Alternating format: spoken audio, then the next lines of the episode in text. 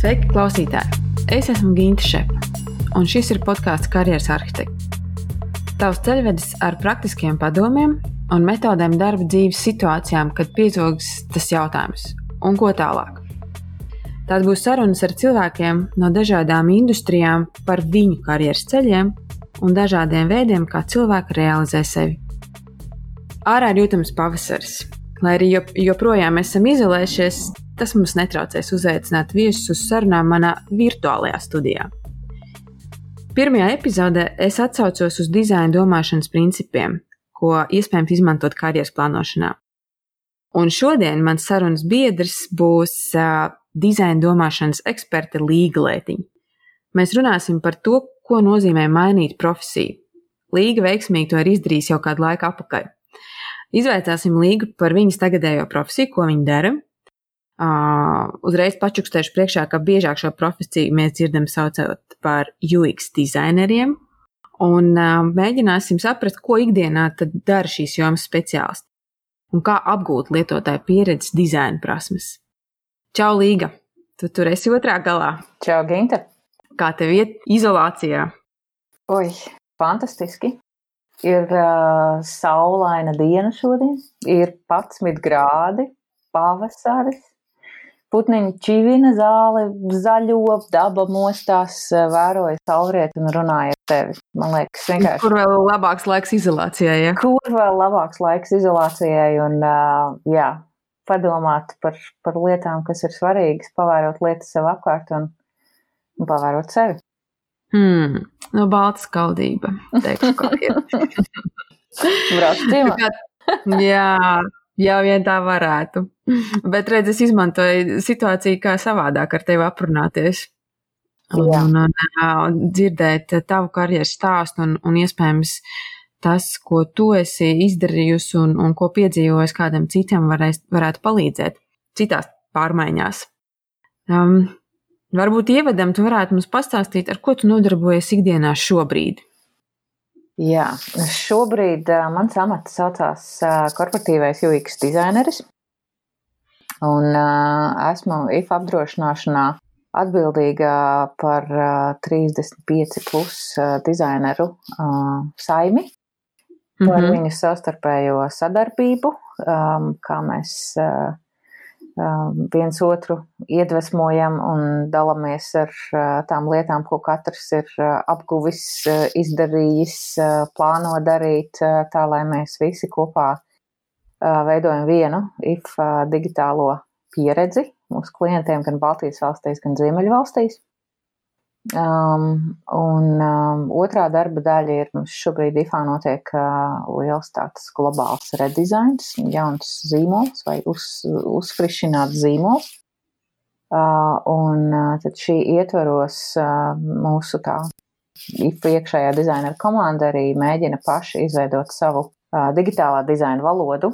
Uh, tad, tad, tad nu, mēs to saucam par dizaina sistēmu, kā, kādas krāsas mēs lietojam, kādas pogas mēs lietojam, kādas uh, vēl visādas lietas digitālajos produktos mēs lietojam un novināties par to, kā, kas ir tas labākais veids un kā mēs dzīvosim tālāk. Mm -hmm. Es varu tikai iedomāties, ko nozīmē 35 radošiem cilvēkiem sanākt kopā un mēģināt novienoties par kādas krāsas mēs lietosim, kādas elementus. Nu, tur droši vien ir visādi izaicinājumi. Jā, tur vēl nāk nacionālajie konteksti, nacionālās īpatnības fonā, mm -hmm. kas arī dizainā piešķir citus skatu punktus, tā kā garlaicīgi nav. Jā, izklausās tā. Ir krāsaini. Klau, es visiem saviem sarunu biedriem vaicāju vienu jautājumu. Un man jāpavaicā arī tev, ko tev nozīmē karjera? Jā, šī ir lieta, par ko mēs mazliet jau iepriekš aizrunājāmies. Ja tu saki vārdu karjera, tad man pirmā asociācija ir tāda, nu, mazliet tāda distancēta no sevis, jo man liekas, ka es neveidoju karjeru. Un man kaut kā šķiet, ka tas vārds karjera mums ir mazliet ar tādu nu, mazliet negatīvu noskaņu, vismaz latviešu tajā vidē ievazājies, jo tas, nu, tas saistās ar karjerismu, un karjerisms ir kaut kas, ko tu dikti plāno un dari un, un noliec, nezinu, ģimeni un vēl, vēl sevi varbūt malā. Es neuzskatu, ka es esmu veidojis karjeru, un es joprojām neuzskatu, ka es veidoju karjeru. Es uh, vienkārši daru lietas, kas man aizrauj, kas man patīk, par kurām es degu, un tad kaut kā sanāk, ka es tajā karjeras ceļā virzos uz priekšu un kaut kādā veidā attīstos. Mm -hmm. nu, man, jā, tav, tavs raksturojums karjerai man liekas, ka um, precīzāk uh, iet kopā ar, ar to, ko mēs saucam pašrealizāciju. Tu vienkārši jā, dari tās lietas, kas tev patīk, un caur to tu arī realizē sevi, un tur arī rezultāts parādās. Hmm. Un kādam varbūt no malas tā izskatās mērķiecīga karjera, mm, izplānota, ja, bet, bet, um, bet patiesībā tā ir tava sirdslieta. Vai ne? Bet tad um, mēs varētu beigās- atskatīt. Nu, nu. Jā, man šķiet, ka beig beigās vienkārši karjera ir no tā, mēs atskatāmies atpakaļ un mēs redzam, kas mums ir tajā darba ceļā sanācis. Un, Mm. un tā var būt pa vertikāli, vai tā var būt patiesībā, ka tu esi nu, briedis viedumā un, un dziļumā. Jā, Un savu kļūt- ekspertīzi veidojas. Mhm. Jā, Jā, bet, bet um, ja mēs atskatāmies atpakaļ, kas varētu būt tavs tāds pirmais pieturs punkts, ko tu nu, varētu jā, teikt, ka ar šo brīdi es varu teikt, ka man karjer, tāds apzinātais karjeras ceļš sākās. kas ir apzināts karjeras ceļš? Vai tas ir tad, kad tu uzņemies pirmo darbu, pirmo skolēna darbu, vai, vai, vai kā? Atkal jautājums, jā, vai varbūt arī tās izvēles, ko tu izdari kā skolēns, kā, kā students jau studiju laikā, nu, nezinu, tur piedalīties vienā vai otrā organizācijā vai aktivitātē, ka tu zini, ka tas būs saistīts, es to daru tāpēc, kā es to gribu saistīt ar nākotni. Mm. Nu, raugi, ja man būtu jāiet uz uh, darba interviju, un darba intervijā jāstāsta, kur, kur sākās mana karjera, ka jau es uh, stāstītu par otro vai trešo darbu pieredzi, izlaižot tās pirmās, kas varbūt uh, man nešķiet tik, uh, tik nozīmīgas vairs. Kaut gan, nu, tad, kad es sāku, tad tas bija, wow, visa lielā pasaulē pēkšņi atvērās. Bet, ja es domāju par to, kas man ir palīdzējis kļūt par to, kas esmu šobrīd, nu, tad jau vairāk tu tālāk ej, jo vairāk tu saproti, ka dziļāki pamati, agrāki pamati tev pie tā noved. Man liekas, tāds viens no spēcīgākajiem pirmajiem soļiem tajā virzienā, vai manā kaut kādā profesionālā domāšanā, ir vidusskolas debašu klubs, kurā es piedalījos Angļu debašu klubā. Un tie, kas nezina, kas ir debašu klubs vai debašu kustība, tā ir tāda nu, argumentācijas spēle, varētu teikt, kur, Mhm. kur, kur parasti tiek izvēlēta kāda tēma. Nu, piemēram, vai ir ok izmantot dzīvniekus farmācijas produktu testēšanā, ja zāļu izgatavošanā vai kosmētikas izgatavošanā. Un, un tad tev ir jāsagatavo nu, tādi tā kā nav īsti juridiski, bet nu, tāda argumentācijas puses gan par, gan pret. Un tad uh, nu, notiek tādas sacensības, komandas sabrauc un tu izla- izlauzē, vai tu šodien būsi par vai pret, vai no rīta būsi par un vakarā būsi pret. Un tev ir jāstāv un jāargumentē pret uh, pretējo pusi ieturošu komandu, un tad nu, kur, nu, kuram nu, tie argumenti ir spēcīgāki. Un, mm -hmm. tas, ko tas man iemācīja tālākajā vidusskolā, ir, nu, ja neskaidro to, kā angļu valoda bija jātrenē, tad uh, tas man iemācīja paskatīties uz lietām no dažādām pusēm. Un saprast, ka uh, nu, ir gan labi, gan slikti to dzīvnieku izmantot uh, farmācijas vai kosmētikas produktu testēšanā. Un nāvisots ir gan labi, gan slikti. Hmm. Un, Nav viss tik viennozīmīgi. Mm, nav gan, un, un varbūt pat ir vairāk kā tās divas puses, ir vēl trešā un ceturtā puse, un visām viņām ir taisnība. Mhm. Un uh, tas savukārt iedeva tādu, nu, man tas bija tāds ļoti liels aha mirklis uh, tajā brīdī, tajā vecumā, un uh, šobrīd tas, tas ir tas, kas man nāk līdzi kā tāda dizainera domāšana, kas dizainam ir ļoti svarīgi, kad uh, mēs uh, nepieturamies pie tā sava subjektīvā pieņēmuma, kas ir balstīts mūsu subjektīvā pieredzē vai uzskatos, mm. bet ka mēs uh, Un tomēr pajautājām, a, kā, a, kā tas cilvēks domā, ka kā tas, un, un kad ir gatavība arī ieklausīties, un, un tur veidojas tā empātija, kas ir laba lietotāja pieredzes dizainera uh, pamata instruments, tā domāšana mm -hmm. par to, kā domā citi. Jā, kas to būtu domājis, kad, kad redz pamatus lietotā, labam lietotāju pieredzi dizainam, var, var sākt arī debašu klubā. Vai ne? Jā. Ok. Nu, un tālāk no, no skolas laika pēc, pēc studijām, tad kas ir tava, kas ir tava izglītība pirmā? Es zinu, ka tev ir jā vairākas, bet kas tava pirmā izglītība? Jā, pirmā izglītība man ir uh, politikas zinātnes, starptautiskās attiecības Eiropas studijas.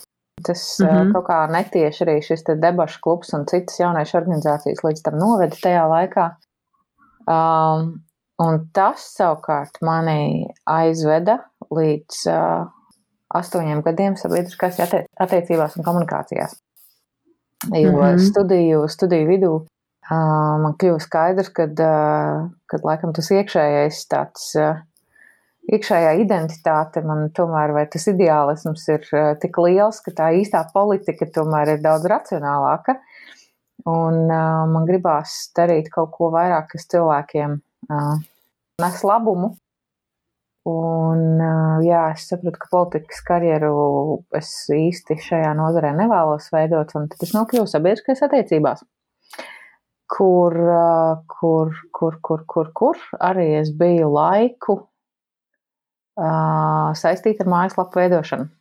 Jo tā, mm -hmm. tā sakrita, ka tajās nu, 2000. gadu vidū mājaslapas bija pārsvarā teksts, daudz teksta. Viņas bija tādas informatīvas primāri vai izkārtas. Gāja un lasīja, jā, tekstus. Jā, tas bija digitālas -hmm. avīzes un digitāli mm. plakāti. Pilnīgi nevar iedomāties to šodien kaut ko tādu. Un ziņu dēļ. un, nu jā, un tad bija tā, ka komunikācija speciālists, nu kā viņš darbojās ar tekstu, tātad skaidrs, viņš ir atbildīgs par mājaslapu. Un tad jā. es arī, tad es arī nonācu, nu, tad bija tā pirmā saskara ar tādu digitālāku uh, lietotāju pieredzi. Mm -hmm. Tā kā tur jau tāds mazi aizdīgļi jau bija uz to, ja?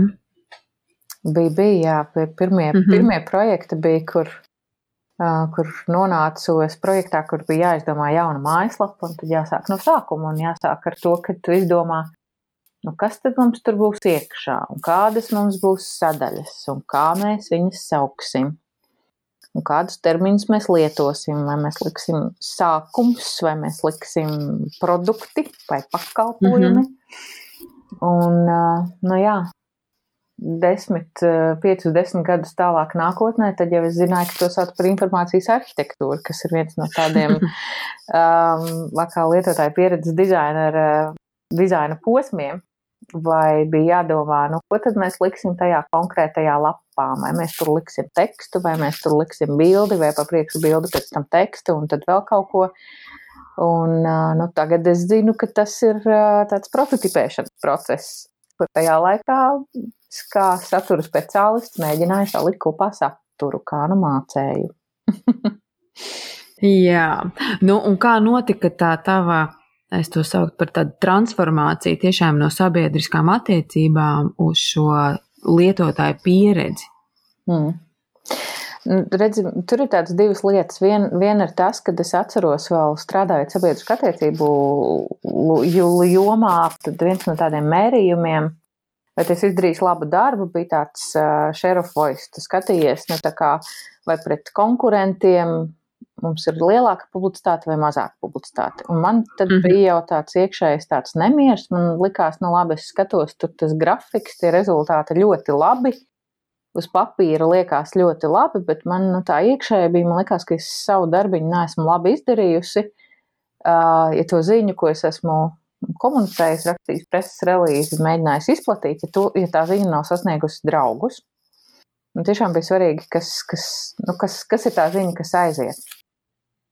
Un ko tu darīji? Tu prasīji saviem draugiem, vai jūs lasījāt to, ko, to, ko es esmu, manu ziņu? Es mēģināju. Vai, vai kas tev kas tev dod to sajūtu, ka nav?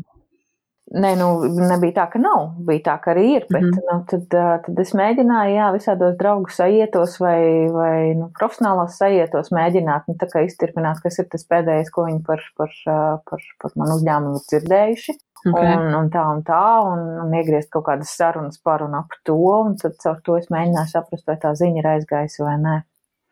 Bet, nu jā, nu, respektīvi, sabiedriskās attiecības, viņas uh, ir grūti uh, to rezultātu ieraudzīt, jā, jo tu vai nu komunikācijās kā tādās, tu, tu daudz uh, radi saturu, tu daudz radi ziņojumus dažādām grupām uz dažādām pusēm, uh, bet, nu, tā taustām ieraudzīt to rezultātu, kad reku šitas ir tas, ko tu esi sanaglojis, uzbūvējis, izvirpojis, un redz, mm. ka sanāca labi vai slikti, ir, ir, ir gana grūti.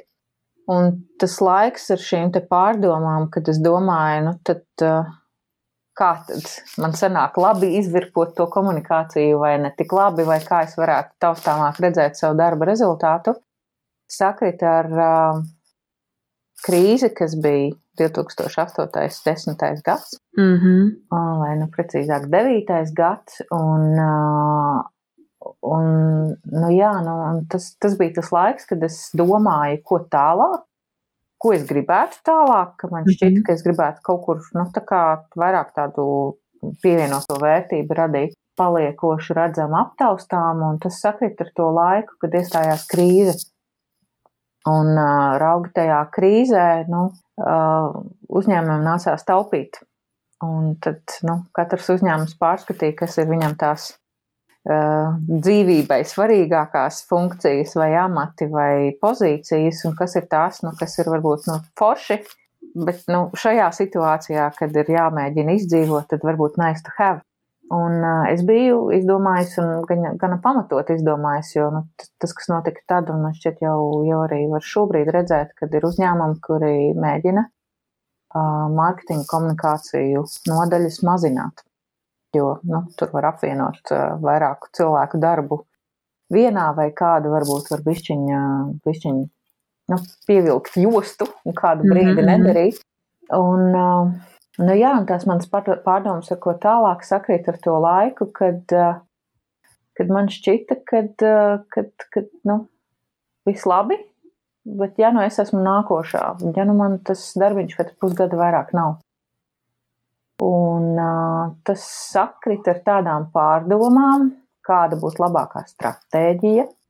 Un es izdomāju, ka vislabākā stratēģija krīzes laikā Tad, kad daudz cilvēki kļūst nu, tādā savā amatpozīcijā par bezdarbniekiem, un um, nu, sanāk tā, ka iepauzē un mazliet tā kā varbūt visi gribētu pēc kaut kāda laika atgriezties darba tirgu ar vienādām iepauzētām prasmēm, iesaldētām mazliet.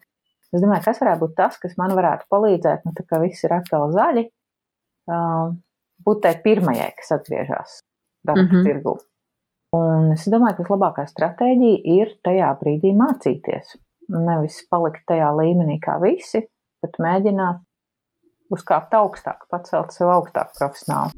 Un tas bija tas, ko es izdarīju 2009. gada beigās eh, ar visām šīm savām eksistenciālajām pārdomām, ko tālāk, un kas būtu šobrīd labākā, drošākā stratēģija, un ko es vispār gribu dzīvē, un ko es vienmēr esmu gribējis. Un vēl 30 gadu krīze tajā laikā gan jau, ka deva savu.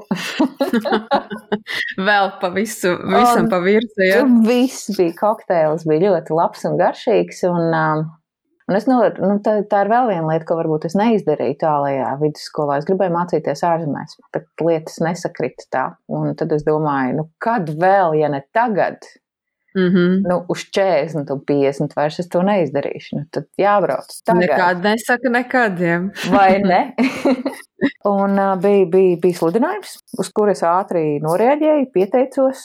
Tas bija, man liekas, tāds mēneša process, kad hop, man uh, pastkastītē ir vēstule, tu esi uzņemta Dānijas universitātē. Un, uh, un tev ir nedēļa laika dot atbildi, vai tu startē vai nē. Un es uh, domāju, domāju, domāju, domāju, sapratu, jo vairāk domāju, jo vairāk sabaidīšos, aizgāju uz veikalu, nopirku koferi un uzrakstīju atlūgumu. Cik vienkārši, ja? nopirkt koferi un uzrakstīt atlūgumu. ok. tad tu izvēlējies studēt Dānijā. Te man bišķi gribas apstāties un pavaicāt, um, kā, kāpēc tieši Dānijā universitāte? Kā tu meklēji, kā tu atradi, ka tas, ko tu gribi studēt, ir Dānijā? Man šķiet, ka tas, tas brīdis no tā, kad man jāsāk stāstīt par Dāniju, man ir mazliet tāda mm, fatālistiska vai nu, tāda flow, uh, flow stāsta sajūta parādās. Jo vai tā bija ļoti apzināta izvēle, kāpēc Dānija, kāpēc tieši tā universitāte? Nē. Um, tas, ko es atceros, bija sludinājums avīzē. Nu, Raugi komunikācijas speciālists ikdienā taisīja katru rītu mediju monitoringu, ieraudzīja sludinājumu, studē mm -hmm. multimediju dizainu un komunikāciju Dānijā, praksi San Francisco, viss spēks forši atver mājaslapu. Izklausās ļoti... labi, ja. Mm, atver mājaslapu stilīga, skatos uh, studentu stāstus, studentu darbus, wow, jā, gribu. Uh, Mm -hmm. Digital is the next big thing, jā, forši. Kā jāiet ar soli garām vēl laikam, tā tad digitālais mārketings man tajā brīdī likās, ka tas varētu būt tas digitālā mārketinga speciālists, par ko es varētu kļūt. Un likās, jā, Un es šķiet, ka es skatījos vairāk kā vienu augstskolu pēc tam, lai salīdzinātu. Dānijai ļoti liela priekšrocība, kā Skandināviju, Skandināvijas universitātēm mums šķiet joprojām pārsvarā ir tas, ka viņiem nav mācību maksas. Mm. Um, kas nozīmē, ka nu, tas, tās izmaksas pārcelties uz valsti, īrēt dzīvokli, dzīves vietu, uzturēt sevi Protams, joprojām tas viss ir vairāk nekā, nekā tu darītu Latvijā un strādātu. Tas ir izaicinājums, bet, ja nav jāmaksā mācību maksas, tad tas, tas lēciens ir vieglāk. Mm -hmm. Un es pat biju pieteikusies vairākās augstskolās, bet nu, vienkārši tā pirmā atnāca, atbildi atnāca laikā, un otra bija kaut kur noklīdusi. Un es biju patiesībā jau Dānijā sākusi studēt, un man atnāca nokavējusies atbildi no otras augstskolas, kas bija mazliet labāka un labākā vietā ka, hei, nu mēs tev arī uzņēmām, un bija pat jāpadomā, mm, kuru tu biji sākusi tā, ja? Es biju aizbraukusi, un es biju sākusi, es varētu pārbraukt, nu tā bija pirmā nedēļa, nekas tur tik daudz nebija, un tas bija tuvu, bet es izlēmu, kad, kad es ļaušos plūdumam mm -hmm. notikumu. Mm -hmm. Kaut tu pieskāries tieši šim te finan, finansiālajam aspektam, mm. ņemot vērā, ka tas bija krīzes laiks, ja tu, tu, tu redzēji, kā, kā uzņēmumi saīsina mm. dažādas funkcijas, un, un tagad tu pieņem lēmumu mācīties, vai tu tam jau laicīgi biji gatavojusies, vai tev bija kāds finanšu uzkrājuma fin, nu, spilvens? Mm. Jā, nu man bija, man bija uzkrājumiņš, man bija spilventiņš izveidots. Es zināju, ka es ar šo spilvenu varu izdzīvot pusgadu. Mm -hmm. Un Un kā alternatīvu es uh, pieteicos uh, valsts garantētajam studiju kredītam, kas ne studējošā kredītam, tai daļai, kas, uh, nu, kas, kas pārskait naudiņu, par kuru tu vari attiecīgi tad ikmēneša naudiņu, par ko tu vari nosakt savus dzīvošanas izdevumus. Mm -hmm. tas studējošā kredīta apstiprināšanas process loģiski vēl gada maiņa tur bija pa vidam, jo es sāku studēt janvārī um, bija daudz lēnāks nekā uzsākās studijas. Man līdz pat martam vidum šķiet nebija skaidrs, uh, vai man būs šis studējošā kredīts vai nē. Tā kā es principā aizbraucu ar saviem uzkrājumiem, uh, ļoti sevi uh, nošaustīju, kā tā var, kad drošības spilvenu šitā te tik viegli prātīgi visu ieliek avantūrā, ja. Un, un tad es arī domāju, nu, kā, būs, kā, kā būs, tā būs. Beig, beigās pusgadu studijas ārzemēs, tā pieredze un, un cits skatu punkts un atslēgšanās no rutīnas arī jau ir daudz. Tā kā es domāju, nu, ja, ja man nekas cits nesanāk, tad es nu, būšu arī pusgadu pamācīsies. Un, nu, mm. Tas ir vairāk nekā nekas. Un beigās cik sanāca? Un beigās sanāca divi Jūri. gadi, divi gadi sanāca, un, un uh, sanāca arī studējošā kredīts, uh, un, nu, jā, un tas varbūt arī bija tāds, uh, šķiet, kāpēc kredīts, un kāpēc vēl viens, vēl viens kredīts un mācībām tajā laikā, bet, ka varētu strādāt paralēli studijām, kā Latvijā taču ir pieņemts, bet, jā, jā. Bet tas bija man tāds ļoti apzināts lēmums, atceroties savus bakalaura studijas un mazliet vēl maģistra, kas notika paralēli strādājot, jo kaut kādā veidā tā iztika bija jānopelna vai nu šķita, ka ir jānopelna, gribās vairāk. Tad es atceros arī, ka man nu, nebija tā, ka vienmēr bija tās um, pašas labākās atzīmes vai tādas, ar kurām es būtu mierā vai kaut mm -hmm. kādām lietām nepietika laika. Un tad es uh, nolēmu, ka, uh, nu, ja es tagad tiešām daru tādu lielu lēcienu, kā dodos studēt ārzemēs, tad es eju uz all in. Un tad es tiešām studēju Nedara neko citu.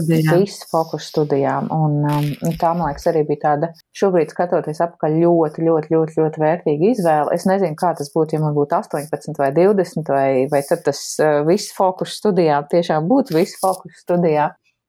Bet, uh, bet tad, kad tev jau ir 30 un tas ir kaut kāds nu, darba pieredzes uh, bāzīte, mm -hmm uz kā tu uzliec virsū citu zināšanu un teorētisko zināšanu slāni.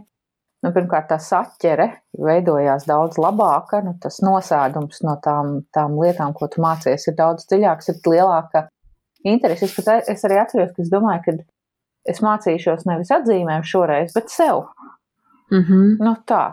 Es tiešām paņemšu to, kas man ir svarīgi, un kas nav svarīgi, tad tajā es neieguldīšos. Bet ar to, ka tev ir tā dzīves pieredze un tev gribās, un tu vari sa sazā, sāķēt to jauno lietu kopā ar savu darba pieredzi un saprast, ā, tāpēc tā teorija tāda, nu jā, jo es mēģināju tā, tā, tā, man nesnāca un tā, tā, tā aizgāja, ahā! Un, un tad ir daudz lielāks azarts, un uh, es arī atceros, ka es pavadīju vakarus uh, bieži vien lasot ne tikai obligāto literatūru, kas nu tai grāmatā bija jālasa vai, vai jānoskatās kāds video, bet es klikšķināju visas atsauces un visus linkus un uz bloga ierakstu un no tā bloga ierakstu uz vēl vienu bloga ierakstu un vēl kaut kur, un uh, tā surfošana caur atsauču tīmekli bija, bija tāda dziļa, un uh, Nu jā, nu man bija laiks to darīt, jo man nebija jātīra dāņu uh, mājas vai jāsēž mm -hmm. kafejnīcā un jāservē alus.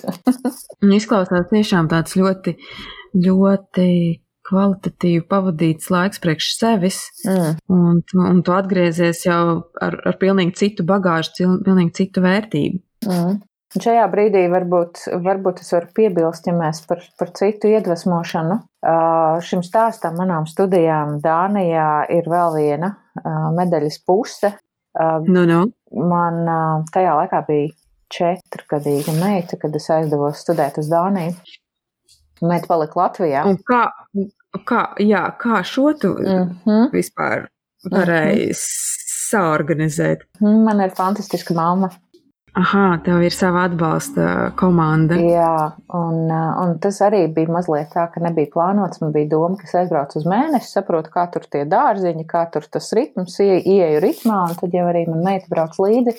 Nu, sanāca tā, ka arī Dānijā krīze un Dānijā tādā protekcionismā iegāja, un man tā informācija nevērās, kur tad var to bērnu dārzu dabūt. Un man mēģināja iestaistīt, ka jābūt strādājošam Dānim nodokļu mm -hmm. maksātājiem, lai to varētu darīt, un privāto dārziņu mums nav.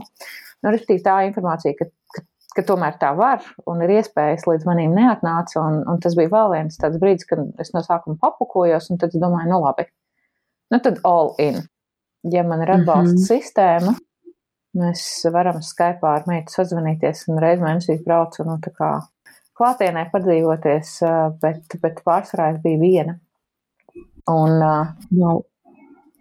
Un, zini, un tas ir patiesībā vēl viena lieta, kas ir fantastiski, ja sieviete, meitene, kurā, kurai strauji jākļūst no meitenes par, par mammu un par, par kaut kādu profesionāli. Tas izmaiņas notiek ļoti daudz, un, un tas nenoliedzami mums ir sievietēm papildus slodze emocionāla. Un tas mūs nogurina, nogurdina, Un uh, es šo laiku Dānijā, vismaz vienu gadu, kad es tiešām biju bezmeitas, es uztveru kā tādu savu dzīves svētceļojumu. Tas mm -hmm. atkal ļauj izkāpt ārā no ikdienas rutīnas rāmi, paskatīties uz to, kas tad, kas tad beig beigās es esmu, kas man ir svarīgi, kā man ir svarīgi, ka, kas man ir pietrūcis, un, un, un tas iedeva pilnīgi tādu citu jaunu, jaunu spēku pēc tam. Jā, bet klausies, šeit man jāpavaicā, uh, zini, kā sabiedrībā ļoti, ļoti mm. dažādi vērtē mm -hmm. šādas izvēles, uh, kad, kad, kad ģimene un, un bērns uh, mm. kādam no malas šķiet, ka paliek otrā plānā un tā. Vai tu saskāries ar šo, kad es nezinu, draugi paziņas, vienalga cilvēki, kas tev pazina, nu, tevi varbūt, nu, negribu teikt nosodīja, bet, bet ka tu jūti, ka, nu, cilvēki savādāk tevi tagad vērtē. Tagad man ir jāsaka, vai nu man ir fantastiski draugi, vai nu man nav labi draugi. Neviens acīs neteica. Neviens acīs neteica. Neviens, Varbūt, ka nu, tev tiešām ir labi draugi. Vai ne? Nu, noteikti pabrīnījās un noteikti pajautāja, kā. Uh, noteikti pažēloja, gan mani, gan, mm -hmm. gan meitu. Es pati sev pažēloju un, un arī pašaustīju nenoliedzami kaut kādā brīdī. Um, Bet, un, un nu, es nenoliekšu, bija brīdis, kad uh, mana meita mani sauca par Omi, un mana mamma sauca par mammu. Ah, mm -hmm. ah, Viņai pārslēdzās. Sirds lūst mammai, ne? Vai Tādā ne? brīdī.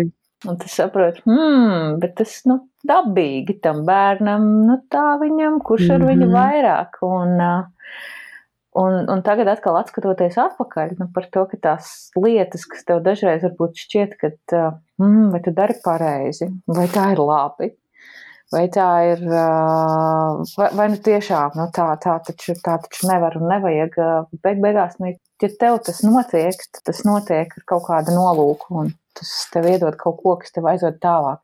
Mm. Un uh, šobrīd es zinu, kad, kad mums noteikti pēc tās pauzītes ar meitu, tās attiecības pēc tam bija pilnīgi citā kvalitātē.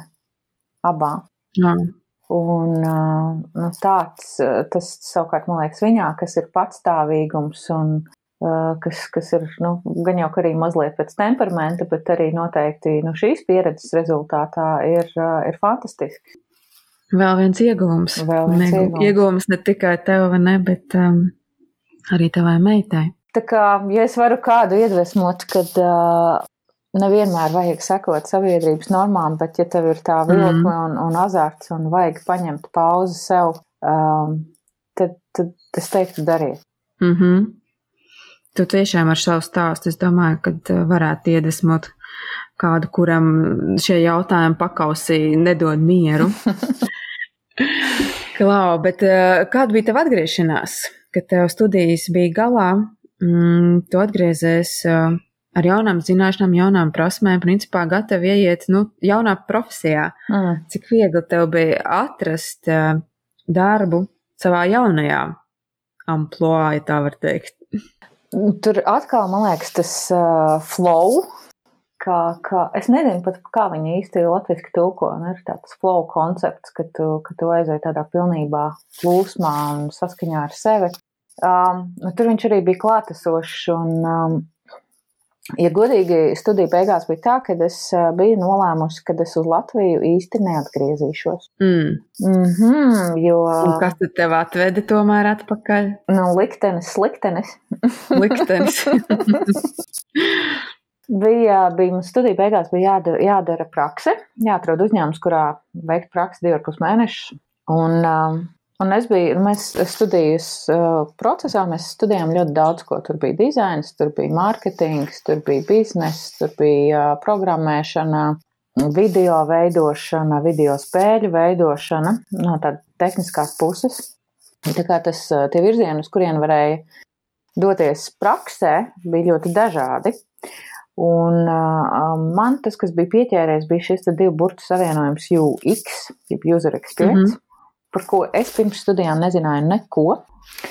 Un tā bija šķiet, pirmā mēneša mana atklāsme, kad ir tāds koncepts. Es zināju, ka ir usability, jeb šo lietojamību, kā ērti tur lietot kaut kādas lietas un kā pareizi varbūt tur interaktīvās lietas darīt. Bet UX man bija tāds wow! Rekā to dara pēc grāmatas. Kā mm -hmm. rekā, tā, kad tu taisi kādu jaunu digitālo produktu vai aplikāciju vai mājaslapu, tas ir jāsāk ar mērķa auditorijas definēšanu. Man bija, mm, šito mēs arī komunikācijās un mārketingā tā darījām. Sakrīt. Un tad rekā ir jāiet ar tiem cilvēkiem un jārunājās, un jārāda viņiem lietas, un jātestē, kā ir tagad, un jājautā, kā viņi gribētu nākotnē. Un man likās, wow, cilvēkiem runāties man patīk, un tur var uzzināt, ko viņi īstenībā grib. Un cik tas ir ļoti savādāk nekā tu esi iedomājies. Un tad man likās, wow, šitā ir tā kā nu, zelta slēdziņa, kā uztaisīt veiksmīgi ar pirmo šāvienu to digitālo produktu.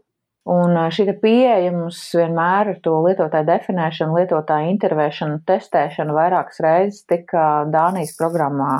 Nu, viņi bija ieinkorporēti tajā visā mācību procesā, kur bija tādi modulīši, mēnesi mēs mācījāmies, un tad bija nedēļu praktiskā, uh, praktiskais projekts un, un tur mēs visu laiku tā, tā gājām cauri modulītis, praktiskais projekts, modulītis, praktiskais projekts un praktiskais projekts pēc tās UX vai dizaina domāšanas, kā tagad to arī sauc, procesu un pieejas. Un man likās, wow, ja nebūtu šitā, tad mēs noteikti aizšautu ar, tiem, ar savām idejām garām. Un, un tad man likās, ka praksē jāizmēģina, vai šitas dzīvē arī strādā. Jo pēc grāmatas izklausās baigi ideāli. Vai tur Jā. ir biznesa? Un es meklēju prakses vietas Dānijā. Bija grūti, jo nebija dāņu valodas zināšana. Um, mm -hmm. Lai aizrotētu uz kādām Anglijām vai Austrālijām vai nu kādās angļu, angļu mēlē runājušās valstīs, tas laika sprīdis bija pārāk īss, uh, uh, kurus nepaspēju. Un tad es biju atbraukusi uz nedēļu Latvijā un aizgāju uz uh, AdWords konferenci Un um, satiku puisi Mārtiņu Dambi, kurš no Cube vai Cube Mobile, kurš stāstīja nu, par to, kā viņi tur foršas uh, digitālas lietas dara. Un es pie viņa piegāju, un man liekas, mēs pat runājam par kaut ko citu, līdz vārds pa vārdam, kas tu un ko tu. Un, un apmainījāmies ar vizītkartēm, un tad vēl pēc nedēļas es uh, biju uz interviju par praksi Cube. Nu, nu, kā, es... Jūs pirms tam nebijāt pazīstami, jūs vienkārši ne. konferences laikā iepazināties. Jā, -hmm. un uh, respektīvi es viņiem stāstu, kad, uh, kad studējusi ārzemēs un gribu praksē darīt UX, viņi man saka, nu pastāsti, kas ir UX. Un es viņiem stāstu pēc grāmatas, un viņi saka, nu zini, kaut ko no šitā mēs darām, bet to un to varbūt īsti nē, vai nu tā mēs nesaucam. Nu, pamēģināsim.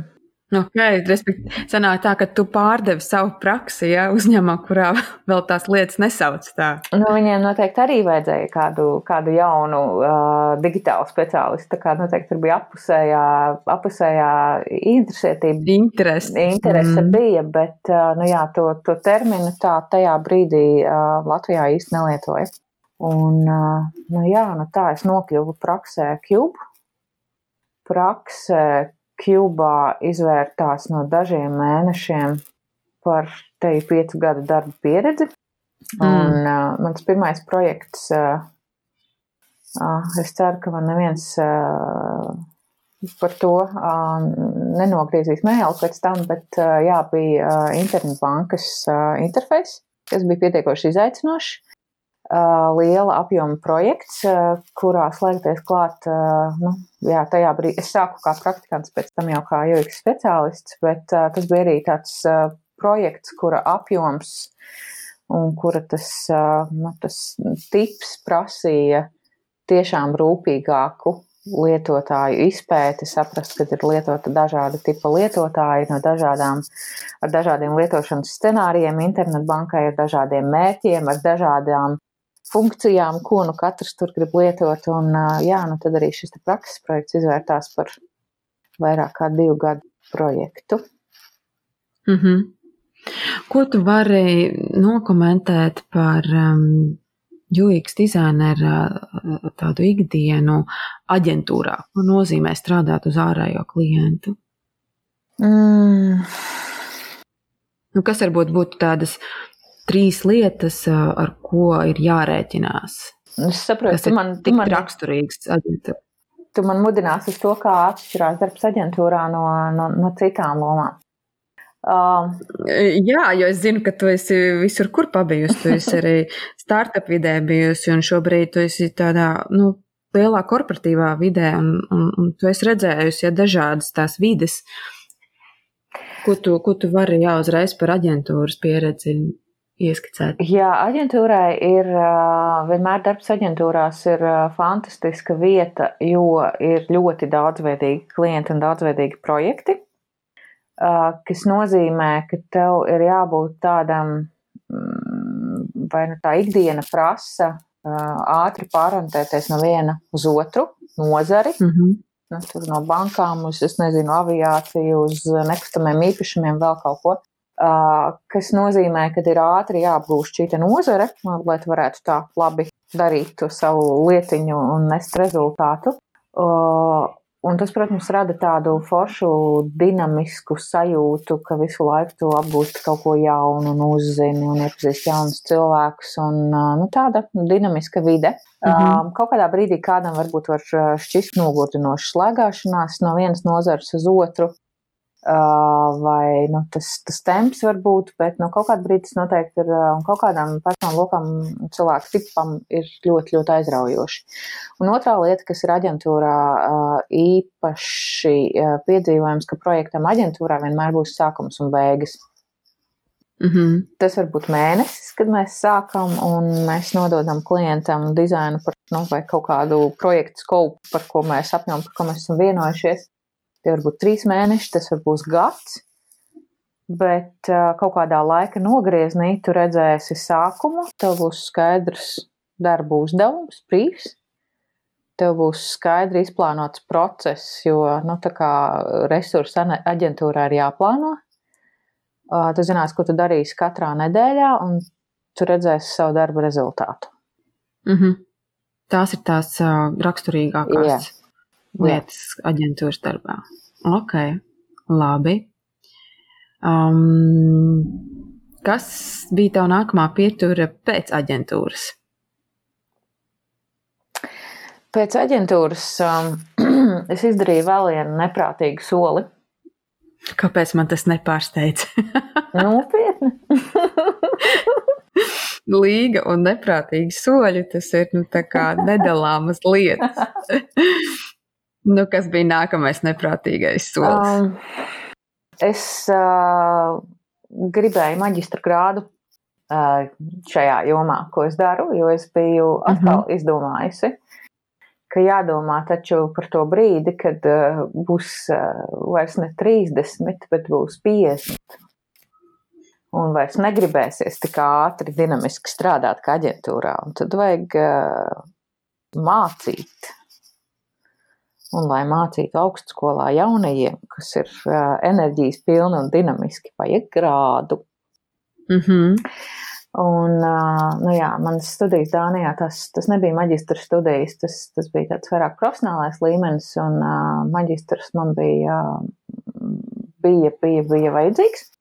Un vienlaikus es biju vienā vasaras skolā, pabiju Tallinas universitātē, kur, kur tāda divu nedēļu programmā sanāca pabūt kopā ar pētniekiem no Microsoft, ar pētniekiem no um, LG rūpnīcas, ar pētniekiem no UCL, University Central London.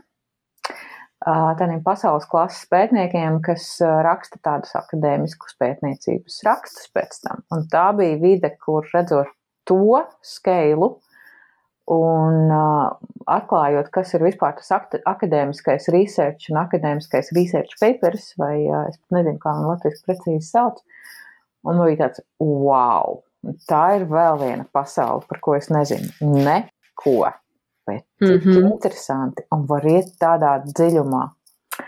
Un tad man gribējās kaut ko tādu akadēmisku, un uh, nu, tas, tā trakā lieta bija, bija pamest darbu Cube, kur, kur, nu, kur bija jau izveidota UX prakse nodaļa, sākt rīkot UX Rīga konference un, un doties studēt uz Tallinu. Tās studijas gan bija paralēli ar darbu tajā brīdī, jo viņas bija katru otro nedēļu.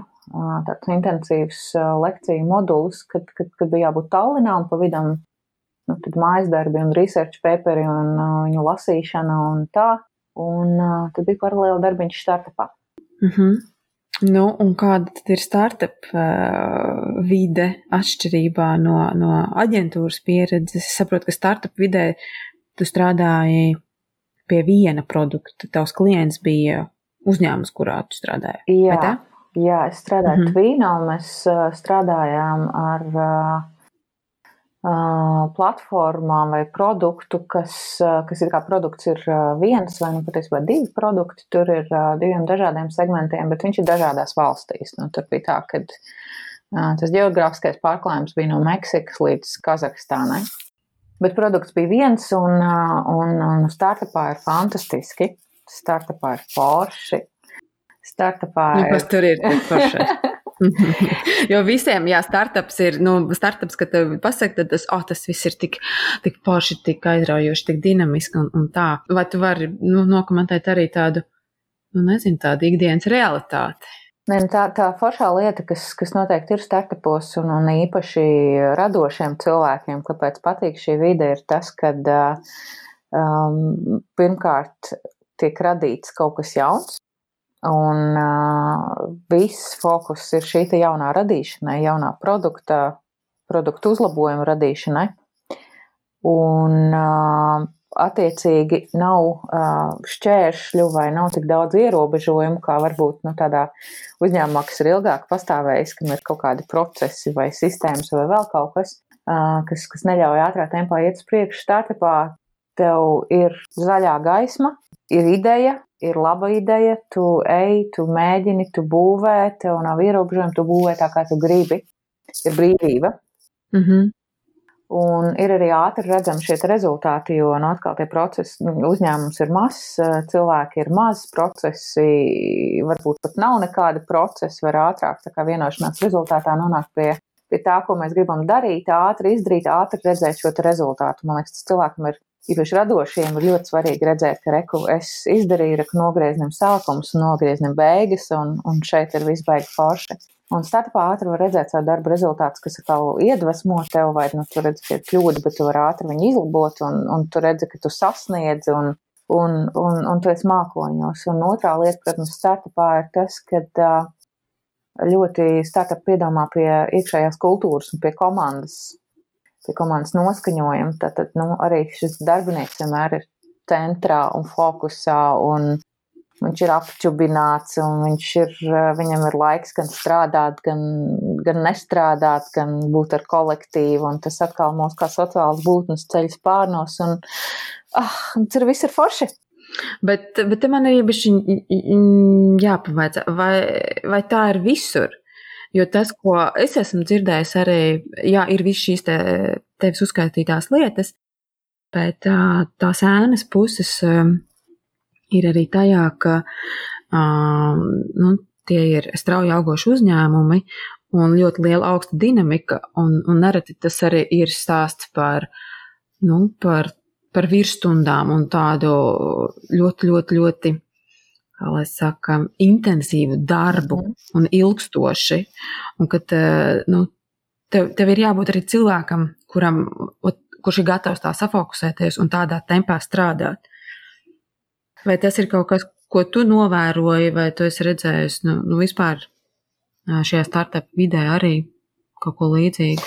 Es nezinu, vai es varu pievienoties tam viedoklim par to, ka startups, startup, startup vidē strādājot prasa, prasa nu, tā dinamika, prasa virsstundas un tā. Es domāju, ka tas ir vairāk tā īpatnība, ka, ka startupos strādā jauni cilvēki, startupos strādā cilvēki bez ģimenēm, un viņi ir mhm. aizrāvušies mm -hmm. ar to, ko viņi dara.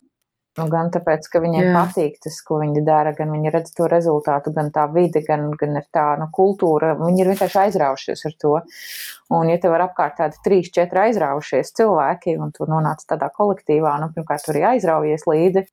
Un, un otrkārt, varbūt tev liekas, ka tā ir nu, tā norma, un tu, tu pavelcies līdz tam, tam modelim. Bet es neteiktu, ka no, no manas pieredzes startup vidē es neteiktu, ka tā ir nu, tā, tāda lieta, ko varbūt tā kā ekspektētu bet vairāk varbūt, mm -hmm. nu, tā ir tā, tā, tā, tā kultūra, tāpēc, ka tā, tā, tas darbinieku lokus kolektīvs ir tāds ar tādu vecumu grupu, kur pēc tam aiziet mm -hmm. kopā iedzert taliņu un, un, un vēl tur, nezinu, aiztusē līdz vēlai naktī, un tad no rīta atkal atpakaļ pie virpas un viss ir forši.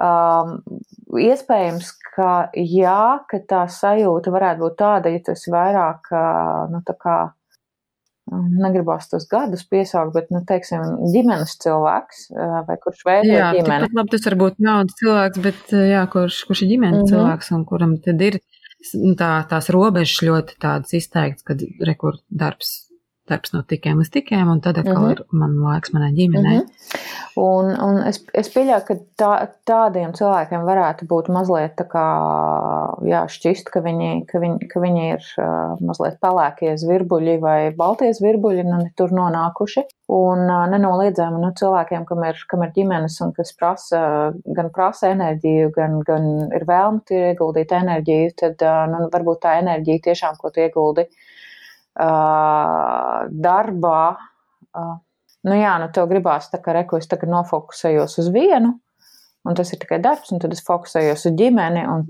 tā ir ģimene. Um, mm. Nu, jā, nu, es par to domāju. Tagad domāju, ar aģentūras vidēs pa, nu, arī pārsvarā ir jaunāki cilvēki vai bez bērniem, bez ģimenēm. Tad arī varbūt tā dinamika ir tāda, ka, ja tur nonāk kāds ģimenes cilvēks, kuram gribās nu, vienu lietu izdarīt kārtīgi un līdz galam, Jā. Un tā kā nu, tiešām saprast, kāpēc mēs to darām, un, un, un pārliecināties, ka mēs esam pareizajā virzienā, un tā nevis vienkārši mēs te šaudamies pa, uz visām pusēm, pa visiem zirbuļiem, jo, oh, beig forši. Nu, tad varētu būt, ka tur, ka tur, ka tur gribās bišķiņu citu modeli vai citu to tempu, un tad, tad tas startups vairs nav tas labākais mečs. Bet nu, tas, tas varbūt, man liekas, nu, katram ir katram ir kaut kāds iekšējs tas darba ritms, un tā vide ir, vide ir varbūt sava. Mm. Ok, un tā mēs nonākam līdz, līdz tam, kur tu esi šobrīd korporatīvā vidē, kas ir droši vien kaut kas pilnīgi pretējs tam, ko tu, rakst, tu raksturoji startupus. Um, jā. Jā. vai, vai par šo tev ir jau ir tādas atziņas un nu, skaidrs, ka tās atšķirības ir ko tu priekš sevis esi ieguvusi strādājot korporatīvā vidē? Mm. Nu, tad man varbūt ir jāiedod tā mazā atkāpīta, kāpēc es nonācu tur, kur es šobrīd esmu. Pēc startup vidas man bija pauzīt, kad es biju freelanceris, jeb šo individuālais uzņēmējs, ja, tā, tā to sauc. Mm -hmm. ja. Solo uzņēmējs, solo jā. uzņēmējs, solo speciālists. Un, un, un, un, un, un, un, un, un tas brīdis bija tāds, kad es sapratu, ir man šķiet tāds kāda viedā teiciens, kāda tautas paruna. Ja tu gribi um, iet ātri, tad ej viens. Bet, ja tu gribi iet tālu, tad ej kopā. Jāiet kopā. Mm -hmm. Angliski viņš mazliet tā foršāk skan, bet, bet jā, tā doma ir tāda, un to es arī sapratu, kad esot kā šis solo mm, speciālists, es varu darīt beigas foršās lietas, beigā ātri var izdarīt savas lietas, ko es gribu, tas pats arī startupā, bet, bet lai darītu lielas lietas, lai um, saprastu kādu uzņēmumu nozari līdz nu, pašam, pašam dziļumiņam, un lai iekustinātu varbūt pat kaut kādas lielākas izmaiņas, inovācijas, vajag komandu. Mm -hmm. Un vajag komandu, kas, kas ir plaša, kas ir liela, kur katram ir savs, savs zināšanu loks. Un, nu jā, un tāpēc, tāpēc tas ir uzņēmums, kur ir liela komanda un kur ir, kur ir daudz plaši pakalpojumi, kur, kur komanda arī nu, tomēr globāla Baltijas un Ziemeļvalsts, un, kur var rakt daudz dziļāk. Bet, tā pārēja no, no cita darba vides uz uzņēmumu darba vidi ir smaga. Un es joprojām redzu, mm -hmm. nu, gan pati es gāju tādiem vairākiem posmiem cauri, tur, es, ko es sapratu, kas, kas, kas ir dabīga adaptācijas posmi, gan es redzu šobrīd, ja pievienojās mums komandai dizaineri, kas ir bijuši vai nu startup vidē, vai nu aģentūra vidē, vai nu tiešām arī solo mākslinieki, ka viņiem, nu, ka viņi iet cauri tieši tiem pašiem adaptācijas periodiem, un, un tas, kas ir jāņem vērā, ka tiešām tas laika nogrieznis no idejas līdz dizainam, ka tu tiec pie, nu, iespējas beidzot uzlikt tos papīra vai uz, uz digitālā papīra uz ekrāna un parādīt kādam, viņš noteikti būs garāks nekā, nekā tas varbūt ir aģentūrā vai startupā, jo iesaistīto lokus būs lielāks. Būs vairāk lietas saistītās vai atkarības vai iesaistītās lietas, kas liks pavērtēt, vai šī ir prioritāte šajā brīdī. Un tad jādomā tādās prioritāšu skalās vairāk, un noteikti būs daudz vairāk jākomunicē. Un arī beig beigās tas laika nogrieznis no idejas, no skices līdz ieviešanai, līdz savu darba rezultātam. Nu, dažreiz ir tā, ka tev ir jāierauga dzīvē tā sava ideja un jāgaida gads. Un, mm -hmm. un priekš, īpaši dizaineru, priekš radoša cilvēka, kam idejas ir tam, tam, tam daudzas katru dienu. un gribās vismaz kādu no viņām redzēt dzīvē, tas, tas ir ilgs posms, un, un pie tā ir jāpierod. Un, un, un ir arī, nu, tad nonākot šajā korporatīvā vai vidē, varbūt es tiešām vairāk runāju par tādiem IT cilvēkiem un radošiem cilvēkiem un dizaineriem, ir jāņem vērā, ka būs daudz vairāk jākomunicē. Un būs daudz vairāk jāpavada laika.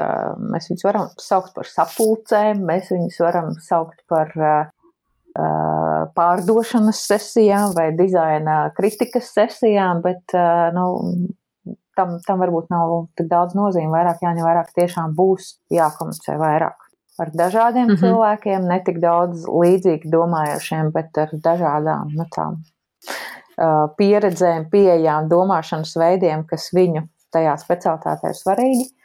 Un ir jābūt pacietībai, sagaidīt uh, to savu idejas realizāciju mazliet lēnākā laika nogriezni. Un tā mēs jau nonākam līdz manam nākamajam secīgam jautājumam ir par, par prasmēm. Mm. Kādas prasmes ir jāattīsta, lai tu būtu veiksmīgs UX dizainers? Kas ir tās fundamentālās lietas? Jā, no UX dizaineriem vienalga, vai tas būs cilvēks, kurš strādā startupā aģentūrā vai, vai lielā uzņēmumā, pats galvenais ir šī empātija vai pat es teiktu izzināšanas kāre, kad, kad gribās saprast, nu, hei, kas tad ir mana produkta lietotājs? Kāds viņš ir? jauns, vecs, viņam patīk tehnoloģijas, nepatīk, ko viņš īsti grib izdarīt, kāds ir viņa šīs vietnes apmeklēšanas scenārijs. Un caur to, caur šo tādu izzināšanas kāri, mm -hmm. nu, būt tādam, kurš ir gatavs savu ego nolikt malā, bet mēģināt saprast tos dažādu pasaules raibo dažādību un skaisto raibo dažādību. Un, okay. nu, tā tad tas pirmais posms ir izpēte, ir, ir nu, gan strateģiski saprast, kam mēs to būvējam, gan izpēte, intervēšana, dažāda veida testēšanas prasmes. Pēc tam, protams, komunikācija spēja sastruktūrizēt šo te izpētes informāciju, izanalizēt, sastruktūrizēt, izvilkt esenci ārā, kas tad ir pats galvenais, saprioritizēt beigu beigās mm -hmm. un, un nokomunicēt vizuāli un skaidri. Nu, tā ka tiešām visi iesaistītie, kas nav ar to pašu gala lietotāju, varbūt runājuši vai testējuši produktu, ka viņi saprot, kāds ir tas gala lietotājs, ko viņam vajag, ko mums vajag tajā produktā mainīt vai ko mums vajag tajā dizainā mainīt. Un tad, nu, beigu beigās, kas ir jāprot, jo ik speciālistam ir jāprot kaut kādā formātā novizualizēt, jeb uzskicēt to ideālo variantu. Un te nu gan nav jābūt uh, māksliniekam, kurš zīmē precīzi taisnas līnijas vai pikseļu perfekti uh, pogas platumu. Tas ir svarīgi, uh, bet tā būtu tīri tāda saskarnes dizainera, UI dizainera prasme. Labam UX speciālistam ir jāspēj kaut vai ar skici uz papīra salvetes vai jebkuras citas virsmas sakārtot to informācijas prioritāti un sazīmēt to ekrānu plūsmu. Ja es klikšķināšu šo pogu, es nonākšu tajā skatā, un ja es klikšķināšu uz to linku, es nonākšu vēl kaut kur. Nu, tāda, kas tam galvu lietotājiem šķistu tāda intuitīva, loģiska, mm, neaizvestu viņu neceļos, nelikt viņam apmaldīties un, un arī nenokaitināt ar to, kad ir tik daudz jāklikšķina.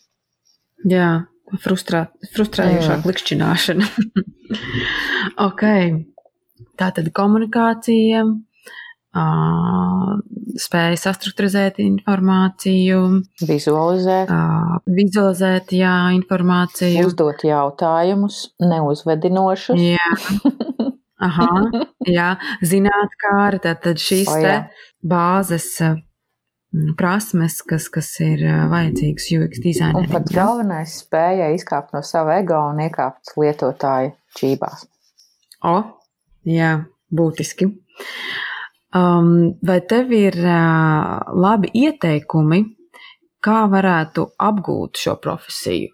Teiksim, nu, ja, ja man ir tīri interese um, saprast, nu, tādās lielajās līnijās, uh, kas tas ir, vai tu man vari ieteikt kaut kādus online resursus vai varbūt grāmatu kādu izlasīt. Tāds pirmais līmenis, kas neprasa daudz finansiālu ieguldījumu.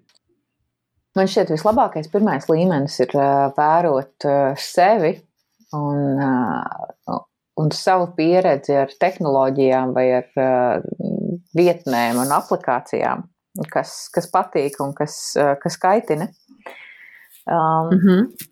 Bet, ja ārpus tādas prakses un uz teoriju, es joprojām teiktu, ka praksa ir vislabākais veids, kā var šo visu apgūt, un, un tie cilvēki, kas pie manis nāk un, un uh, nāk praksē vai, vai mentorējumie, tad es viņam parasti, mēs atrodam kādu projektiņu un kādu vienkārši ikdienas lietu, ko viņi lieto un izējām tā kā no A līdz Z cauri tai, tam procesam, man liekas, tas ir vislabākais, kā kāds ar pašu pieredzi to apgūt, bet ja mēs sākam ar teoriju, tad um, uh, viena vieta, kas man ļoti palīdzēja sākumā ātri saprast lielās lietas, bija tāds online kursu vietne linda.com kas manuprāt, Linda. Linda kas, manuprāt, šobrīd jau ir uh, LinkedIn. Uh, viņu ir nopircis un inkorporējis savā LinkedIn uh, video treniņu, video apmācību sadaļā. Tur ir -hmm. daudz video kursu par, par UX, un viņi ir nu, pietiekoši īsi strukturēti, koncentrēti, kas, kas ļoti labi to sākuma sajūtu vai principus iedod. Um, vēl bija viens no pirmajiem tādiem labiem kursiem, online video kursiem, bija kurs ēra, uh, Stanfordas. Universitātes Interaction Design uh, video kurs, video lekcija.